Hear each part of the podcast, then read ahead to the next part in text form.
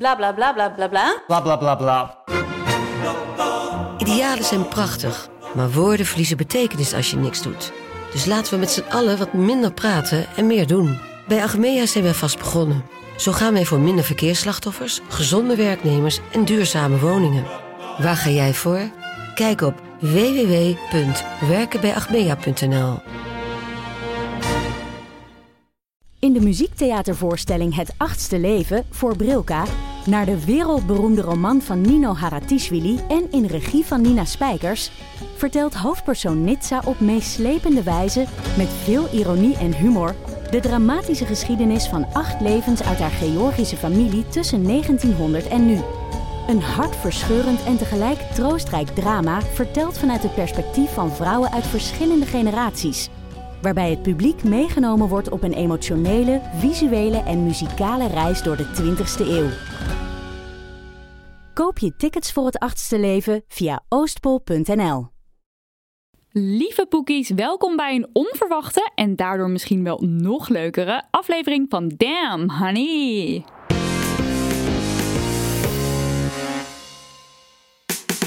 De podcast over shit waar je als vrouw van deze tijd mee moet dealen. Mijn naam is Nidia En ik ben Marilotte. en je luistert naar een korte bonusaflevering. Oh ja, zeker. We hebben namelijk wat te pluggen. Ons nieuwe boek. Ons nieuwe boek heet Heb je nou al een vriend? En daarin staan 50 reacties op shit waar je als vrouw mee moet dealen. Eh, het zit bomvol goede comebacks op shitvragen die we nogal regelmatig naar ons hoofd geslingerd krijgen. En eigenlijk, als ik het een beetje tel, staan er veel meer dan 50 reacties in. Het zijn Oh, een stuk of 180.000. Maar is een grove schatting. Het is om, om en nabij. Ja. Ja. En de komende paar weken verblijden we jullie met onze lievelingshoofdstukken in je podcastfeed. Eh, en vandaag lezen we het hoofdstuk Vrouwen maken gewoon minder snel goede muziek voor. Maar eerst. Producer Daniel, tevens Nidia's vriend Daniel. Wat is het meest feministische wat je afgelopen week gedacht of gedaan hebt? Ja, ja, we gooien ons normale format even helemaal om voor deze special.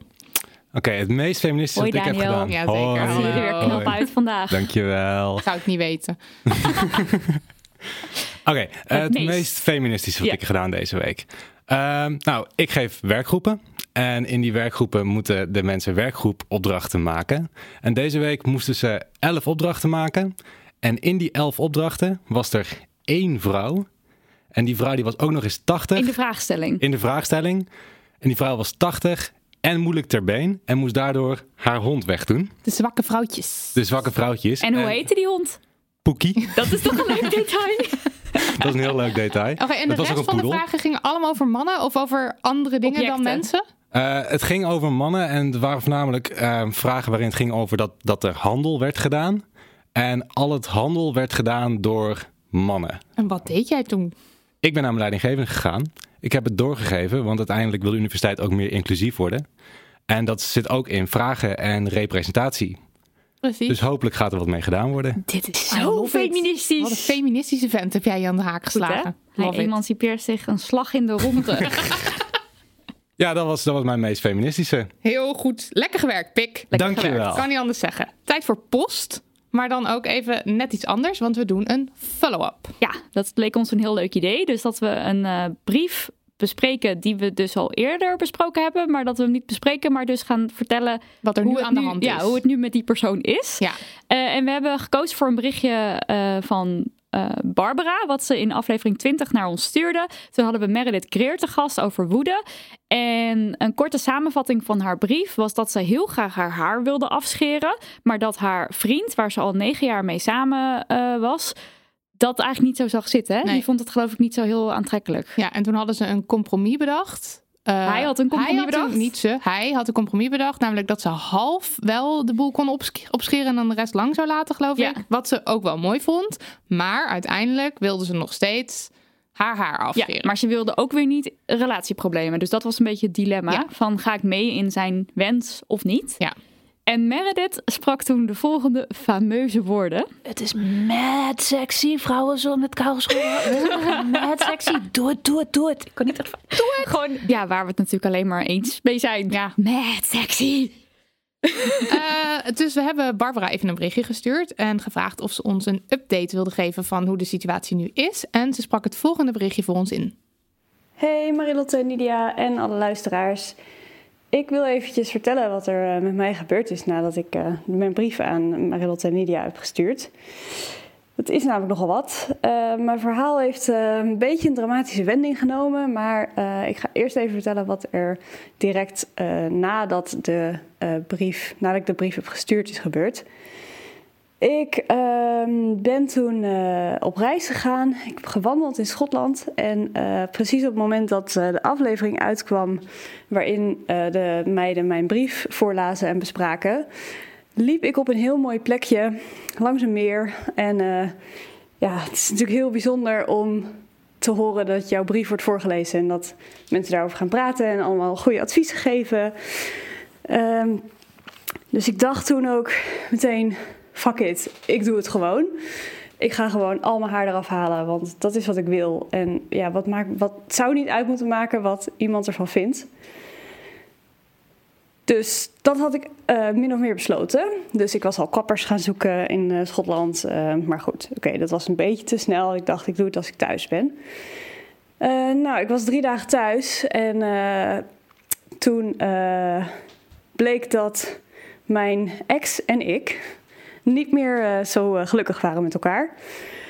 Dus uh, ja, weet je, dat kwam niet alleen maar door mijn haar. Zo gelukkig uh, hoeven we niet op de brandstapel te leggen.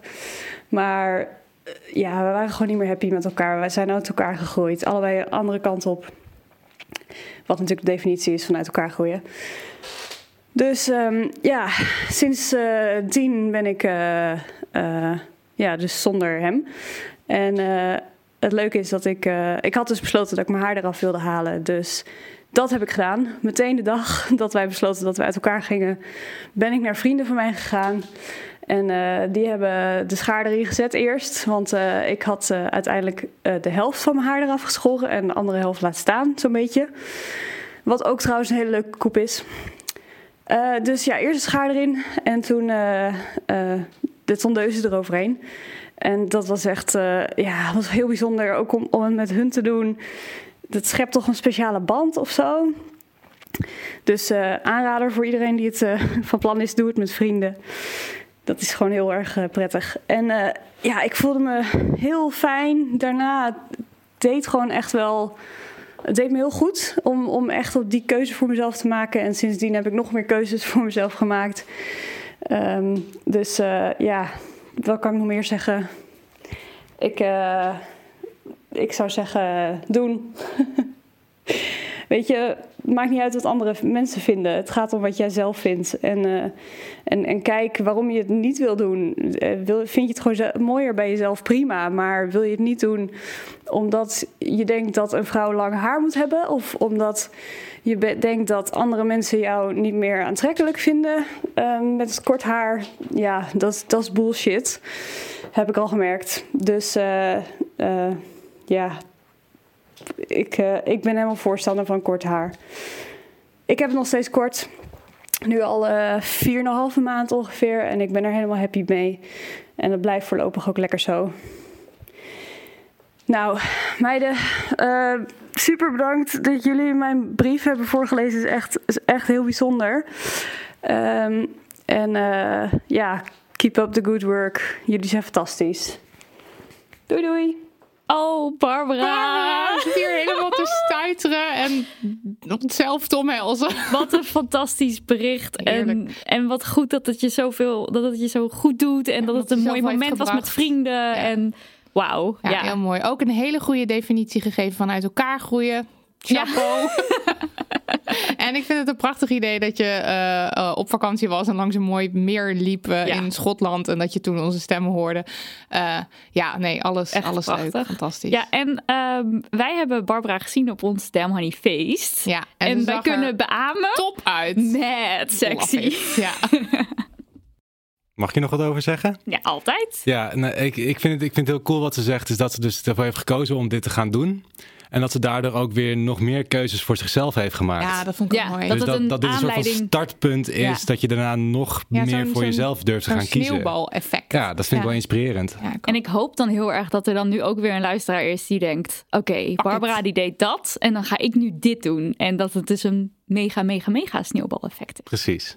Dus please, als er een luisteraar is doe het. Ja, het doe het. En dan kan je later in de follow-up en dan, nou ja, Ja. het is één groot feest. Een groot feest. Hoor je dit nou en hebben wij ooit je brief besproken en heb je daar een follow-up over? Come through. Ja, come through. eh info at. En eh, in, ja, dat klopt gewoon. Ja, Ik dacht, dat je klopt zegt niet, gewoon info dingen. gewoon de. Mail En, ons. ja, en daar kan je ook een nieuwe brief naar sturen Ja. voor in de normale afleveringen.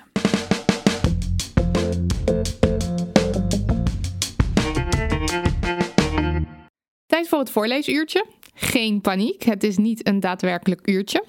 Eh, we gaan een eh, hoofdstuk voorlezen uit Heb je nou al een vriend? En dat hoofdstuk heet Vrouwen maken gewoon minder snel goede muziek. En heel even om eh, uit te leggen waarom we deze quote hebben gekozen, waarom dit het hoofdstuk zo heet. Dit is een daadwerkelijke quote, uitgesproken door Ronald Molendijk tijdens RTL Boulevard op 25 december 2018. In 2017 was 16% van de artiesten in de top 2000 vrouw. Volgens DJ en muziekproducent Ronald Molendijk, die regelmatig aanschuift bij RTL Boulevard, helemaal niet zo gek en goed te verklaren. Vrouwen maken gewoon minder snel goede muziek. Even dachten wij dat hij zijn lolbroek aan had, maar nee, hij bleek bloedserieus. Er zijn ook minder vrouwen in de muziekbranche werkzaam, dat is nou eenmaal hoe het is. Mannen zijn per definitie ook meer senang in een studioruimte. Ho, stop. Een interessante oorzaak noem je hier, Ronald. Even aangenomen dat jij als expert weet waar je het over hebt en het dus klopt wat je zegt, waarom dan niet de studio's vrouwvriendelijker inrichten? Stel je even voor, hè? Gewoon voor de grap. Een gedachte-experimentje. Tig jaar geleden werden de eerste studio's gebouwd door vrouwen. Er werd muziek opgenomen door vrouwen. Die muziek werd geproduceerd door vrouwen. En alles en iedereen die iets in de muziek deed, was een vrouw. Op een gegeven moment waagde een man zich in de studio. Oei, gek hoor. Een man. Wat doet die hier? Die weet niks van muziek. Die snapt niks van hoe het hier werkt. Hij doet alles fout. Hij maakt hele andere muziek ook. Hij ziet er wel uit om op te eten. Grrr. Tijger, doe je morgen weer dat strakke shirt aan? Ho ho, niet aan de kabel zitten, maar blijf maar wel even zo staan. Dat kontje mag er zijn hoor. Sst, niet door ons heen praten. We, zitten hier, we zijn hier aan het werk, ja? Ga jij maar gewoon weer even bij het achtergrondkoortje mooi staan wezen. Hoe senang voelt deze man zich in deze situatie? Waarschijnlijk voelt hij zich gekleineerd, niet serieus genomen, bekeken, geseksualiseerd en weggezet. Is dat zijn schuld? Nee, dat is de schuld van de omgeving. Als deze man nu besluit niet door te gaan met het maken van muziek, snappen wij dat wel. Hij is al lang en breed opgebrand voordat hij ook maar de kans krijgt eens op te treden op een festival.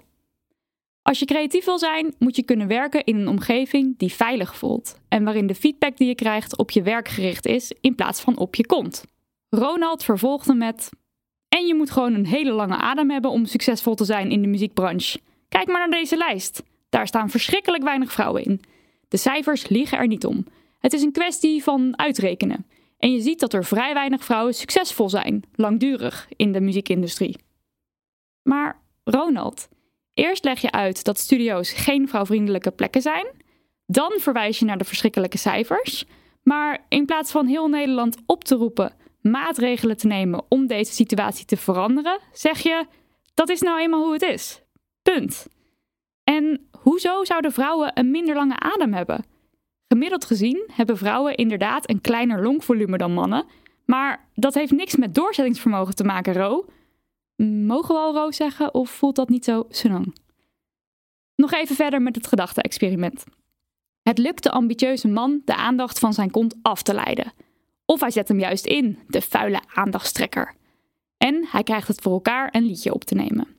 Het liedje komt terecht bij vrouwelijke DJ's, boekers en muziekjournalisten, die tot dat moment vooral muziek van vrouwen draaien, boeken en luisteren. Ze willen best gelijke representatie, maar je kunt het niet afdwingen. De markt beslist, hè? Vrouwen zijn nu eenmaal populair en we gaan geen podium bieden aan mannen puur en alleen omdat het mannen zijn.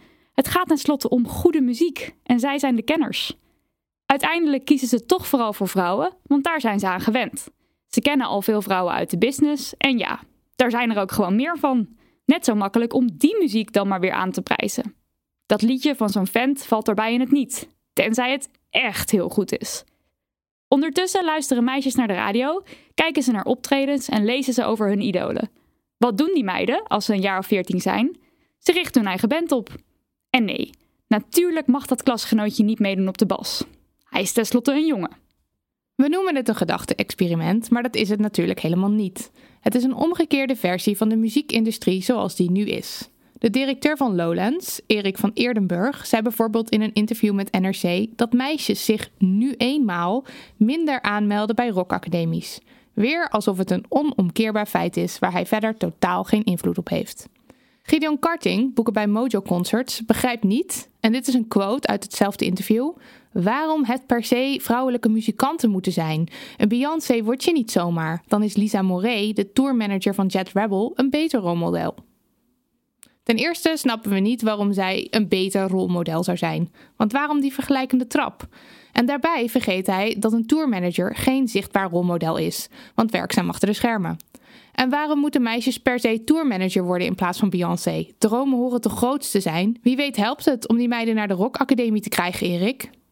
Sowieso zijn we het zat dat het meteen over Madonna en Beyoncé gaat in dit soort interviews. Alsof de line-ups van festivals enkel en alleen bestaan uit muziekelite. Onder de headliners hangen allerlei bands die nog lang geen Beyoncé zijn, maar toevallig wel grotendeels man. Stel je headliners zijn allemaal man omdat Beyoncé en Madonna weer eens niet wilden komen. Dan zou je nog de rest van de line-up wel 50-50 kunnen verdelen. Je gaat ons niet vertellen dat dat dan automatisch een slechte, niet verkopende line-up zal worden. Of wacht. Toen Volkskrant-journalist Robert van Gijzel hoorde over de 50-50 line-up van Primavera Sound, een van de meest beroemde en populaire festivals ter wereld, was dit zijn reactie. Nee toch, dacht ik, zoals waarschijnlijk veel mannen en vrouwen die zielsveel van mooie festivals houden. Het gaat toch om de muziek? Je wilt toch de beste bandjes boeken, ongeacht kleur, geaardheid of seksen?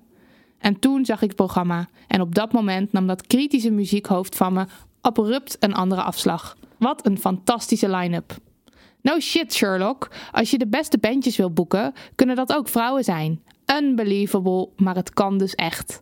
En verander dat kritische muziekhoofd maar in dat seksistische muziekhoofd. Want je kunt het beestje maar beter bij zijn naam noemen. Maar hoe liep het nu af met Primavera? Was het nou wel of geen succes? Luister even mee met wat Van Gijzel over de bezoekersaantallen schreef. Het Spaanse festival Primavera begon direct na de eeuwwisseling en groeide in een paar jaar uit tot een van de meest geprezen popfestivals ter wereld, dat dit jaar een publiek van meer dan 100.000 man trok. En op de eerste dagen van het festival is het soms zorgwekkend leeg op de velden. Ook veel vaste Primavera-fans uit bijvoorbeeld Nederland hebben het dit jaar laten afweten, zeggen een paar Nederlandse bezoekers die nu met een beduidend kleiner groepje zijn afgereisd. Oei, dat klinkt niet goed. Lege velden, bezoekers die het laten afweten, terwijl dit festival normaliter meer dan 100.000 mensen trekt. We stuurden Primavera een mailtje om ze een hart onder de riem te steken na dit jammerlijke falen. En ook om even te checken of het nu echt zo dramatisch was allemaal. Hun antwoord was dit. This year we had more than 220,000 attendees, and Saturday, June the 1st, we beat our historical record of attendance with 63,000. We hebben de fruitmand voor de organisatoren van Primavera dus zelf maar verorberd, want dit festival was een kaskraker. Het historische record van Primavera haalde gelijk ook het argument van kijken naar de commerciële waarde weg. Iets wat Lowlands-baas van Eerdenburg ook graag aanhaalt om zijn door mannen gedomineerde line-up te verdedigen. Ook vrouwen brengen goudgeld in het laadje. Een klein uitstapje naar andere takken van sport. Een dergelijk verhaal geldt voor heel veel activiteiten waarvan aangenomen wordt dat vrouwen het gewoon minder goed kunnen. Nu valt er bij muziek nog te twisten over smaak, want goede muziek is subjectief. Maar laten we het even hebben over vrouwenvoetbal. Dat is niet om aan te zien. Dat is maar net hoe je er naar kijkt. Als je het de hele tijd gaat vergelijken met mannenvoetbal, dan ligt het niveau inderdaad niet even hoog. Maar vind je het gek? Mannen strijden in Nederland sinds 1898 op het voetbalveld om de landstitel en vanaf 1954 spelen ze betaald voetbal. Even wat pubquizvragen. 1. In welk jaar denk je dat het vrouwenvoetbal door de KNVB werd erkend? In 1971. In de jaren daarvoor zag de KNVB geen heil in voetballende vrouwen. Vrouwen moesten echtgenoten, moeder of geliefde van voetbalspelers zijn. 2. Wanneer kregen vrouwen hun eredivisie? In 2007. 3. En tot wanneer behoorde het vrouwenvoetbal tot de amateurtak? Het vrouwenvoetbal in Nederland uh, viel ten tijde dat we dit boek schreven nog altijd onder de amateursectie. Trouwens nog steeds. Waar het mannenvoetbal jarenlang de tijd heeft gehad zich te ontwikkelen, sponsors te vinden en heel veel supporters te trekken, komen de vrouwen net kijken. Dus ja, vergeleken met de mannen, die anno 2019 al 121 jaar bezig zijn, ziet dat vrouwenvoetbal er wellicht wat minder soepeltjes uit. Maar geef ze net zoveel aandacht, tijd, training en geld als de mannen en kijk hoe het niveau over 72 jaar is. En dan tellen we dus vanaf 1971. Stel dat we zouden rekenen vanaf de eerste eredivisie, dan hebben de vrouwen nog 109 jaar om op het niveau van de mannen te komen. Vrouwen in de wetenschap. Ook al zo'n tragisch verhaal. Ze zijn, en waren er wel, maar ze zijn grotendeels uit de geschiedenis geschreven en hun eigen werk wordt vaak aan mannen toegekend. Rosalind Franklin is hier een voorbeeld van. In de jaren 50 maakte zij belangrijke röntgenfoto's. Zonder haar medeweten werden die aan James Watson getoond, die uit de foto's afleidde dat DNA eruit ziet als een dubbele helix. Met deze doorbraak won hij de Nobelprijs. Kreeg Rosalind credits? Nope. En dan hebben we het nog niet eens over Donna Strickland gehad. Ze won in 2018 de Nobelprijs voor natuurkunde, maar ondanks haar enorme staat van dienst had ze tot dan toe nog geen eigen pagina op Wikipedia. Die was eerder dat jaar aangevraagd, maar vervolgens afgewezen door een wiki-editor, omdat er niet voldoende bewijs was dat Donna Strickland voor een eigen pagina in aanmerking kwam. Ook hier zijn we even ingedoken en we hebben het volgende ontdekt. Donna Strickland was in 2013 voorzitter van de Optical Society, een prestigieuze organisatie voor bollebozen die gespecialiseerd zijn in optica en fotonica. Als je nu denkt, so what? dan ben je niet de enige. Dat dachten wij ook. Maar blijkbaar is de Optical Society nogal een ding. Want niet alleen heeft de, heeft de organisatie zelf een eigen pagina, maar ook alle 83 voorzitters sinds de oprichting in 1916. Oké, oké, op één na. We see you, Tony Hines. Zo heeft de voorzitter uit 1982 een pagina waarop alleen het volgende zinnetje te lezen is. Robert P. Madden was president of the Optical Society of America in 1982. En zo zijn er meer voorbeelden te vinden. Als dat al voldoende was voor Robert, waarom werd Donna met haar voorzitterschap en de onderscheidingen die ze ruim voor de Nobelprijs al binnensleepte dan alsnog afgewezen? Zelfs als je excelleert in je vak en een Nobelprijs binnen handbereik hebt, is dat blijkbaar niet voldoende voor een Wikipedia-pagina over jezelf. Totdat je hem wint. Dan wordt die pagina snel aangemaakt. Maar moeten vrouwen nou echt op het hoogste van het hoogste niveau presteren voor ze een beetje serieus genomen worden? Even ter vergelijking. Joseph Pujol, een artiest uit de 19e eeuw die het scheten laten tot een kunst had verheven, kreeg zijn eigen Wikipedia-pagina met meer dan 1200 woorden. We citeren. Zijn act bestond uit het uitbaten van zijn tamelijk unieke talent. Door een buitengewone controle over zijn darmspieren wist hij lucht door zijn anus naar binnen te zuigen en met verschillende toonhoogtes weer uit te blazen. Hetgeen hem in staat stelde melodieën te scheten en kaarsen uit te blazen. Joseph's conculega Mr. Methane en Roland de Farter kregen eveneens een biografie op Wikipedia van respectievelijk 500 en 100 woorden. Voor de goede orde, we love het werk van deze mannen, maar ze hoefden niet eens een Nobelprijs te winnen om toch een Wikipedia-pagina te veroveren. Slechts 18% van de Engelse biografieën op Wikipedia is er één van een vrouw. Ronald zou zeggen: die vrouwen zijn gewoon minder snel goed in alles. Wij zeggen: als het je opvalt dat een specifieke groep minder goed presteert, in welke branche dan ook, vraag je dan eens af hoe dat in hemelsnaam zo kan zijn. En doe er iets aan. Hoe moet je nou weer reageren op... Vrouwen maken gewoon minder snel goede muziek. 1. Breek me de bek niet open. Noem één goede vrouwelijke artiest. Lukt je niet? 2. Voetballen kunnen ze ook al niet. Ik kijk nog liever naar de wedstrijden van mijn elfjarige neefje. 3. Wat kunnen ze wel? Baren.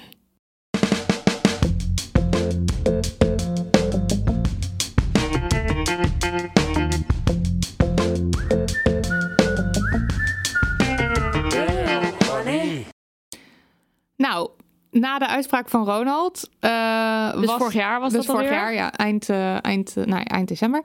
ehm, was heel Nederland in Rapperoer. Tenminste, wij waren in Rapperoer en met ons vele anderen. En toen is er een groepje mensen geweest wat de top 2000 vrouwenstemmen heeft opgericht. Ja, dat is ook een website, top2000vrouwenstemmen.nl.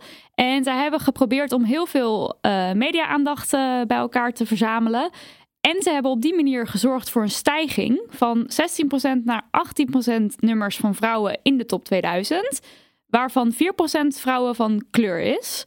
Dat kan natuurlijk nog veel beter. Ja, en eh, daarom willen we dus nu jullie vragen, of tenminste, we willen graag jullie oproepen om als je gaat stemmen bij de top 2000 eh, dit jaar weer. Eh, let dan eventjes op dat je. Ja, wat, wat- Ja, dat je ook op vrouwen stemt. Je hoeft, je hoeft echt niet die hele lijst met vrouwen vol te gooien als je zegt, ja, maar mijn allerlievelingsliedje is van Muse. Ik zeg maar wat, hè? Ja. Toevallig. toevallig. Dat is heel Natuurlijk gooi je Muse dan ook lekker die lijst in. Maar denk even actief na over je eh, vrouwelijke favoriete artiesten. En het is echt heel erg leuk om te doen, want je kan wel gewoon zo even voor je favorieten gaan. Maar als je even nadenkt, zijn er ook zoveel coole nummers van vrouwen. Ik vond het vorig jaar echt heel erg leuk om Ja. na te denken over de, mijn lievelingsnummers van vrouwen. Ja. En zelf zijn we natuurlijk eh, heel veel vrouwenmuziek ook gaan luisteren. We hebben die Damn Honey lijsten elke maand gemaakt op Spotify. En om jullie nou nog een beetje extra te helpen, hebben we nu ook op Spotify de lijst Damn Honey Top 2000 aangemaakt. Daar hebben we al best wel wat nummers ingezet, allerlei klassiekers. Maar we willen heel graag van jullie weten, wat zijn nou jouw vijf aller, aller, aller lievelingsliedjes van vrouwen? Eh, en die gooien we dan ook de lijst in. Ja. En dan hopen we dat we uiteindelijk een hele mooie lijst ook zelf hebben. Dan hoef je die hele top 2000 niet eens meer te luisteren. Dan en dan kan je gewoon lekker die lijst. Ja, precies. De Honey Top 2000. Eh, ik denk dat het handig is als wij een post maken op Instagram en dat je dan daaronder kan de, je nummers kan, eh, kan doorgeven. Dan kan je ook een beetje kijken naar wat andere mensen leuk vinden. Misschien eh, Inspiratie ins- opdoen. inspiratie. En dan maken wij er een mooie lijst van. Dit was de korte bonusaflevering die toch best wel lang is geworden. Nieuwsgierig naar meer? Heb je nou al een vriend? Koop het boek. Doe je favoriete boekhandel een plezier en ga langs. We liggen overal. Zowel in de Chic de Friemel boekhandel, waar je niet durft te kuchen, tot de alle aankoos op het station. Schroom ook niet om ons boek op nummer 1 te zetten als je in een ACO bent. In zo'n eh, top, weet je wel, de top best verkochte non-fictie. Eh, heel, misschien doen we dat zelf ook wel eens. Misschien, ja. Is het voor jou niet zo makkelijk om de deur uit te gaan of heb je zin om binnen te blijven? Bestel ons boek dan zonder verzendkosten via bijvoorbeeld Scheltema.nl. Ik zag net dat Bol hem dus zelfs vandaag nog binnen twee uur levert. Eh, nou ja, behalve als je natuurlijk op zaterdag luistert, of op zondag, of midden in de nacht, of misschien wel op een feestdag. Dus eh, dit is helemaal geen goede tip. Ga niet naar Bol. Ofwel, zelf weten. Bedankt allemaal, hè? Joe. Joe.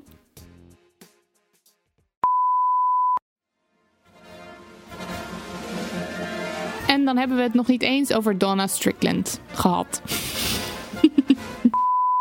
En dan hebben we het nog niet eens over Donna Strickland gehad. Ze won in 2018 de Nobelprijs voor natuurkunde. Nobelprijs, zei je. Zeg ik Nobelprijs? Dat is een Nobelprijs. Nobelprijs. Oh, Nobelprijs. Sorry, opnieuw. Nobelprijs. en dan hebben we het nog niet eens over Donna Strickland gehad. Ze won in 2018 de Nobelprijs. De Nobelprijs. nou, jij krijgt, jij krijgt in ieder geval niet de Nobelprijs voor voorlezen. En dan hebben we het nog niet eens over Donna Strickland gehad. Ze won in 2018 de Nobelprijs voor. Zelfs als je excelleert in je vak en een Nobelprijs.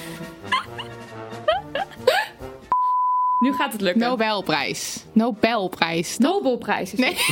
Zelfs als je excelleert in je vak en je een Nobelprijs binnen handbereik hebt, is dat blijkbaar niet voldoende voor een Wikipedia-pagina.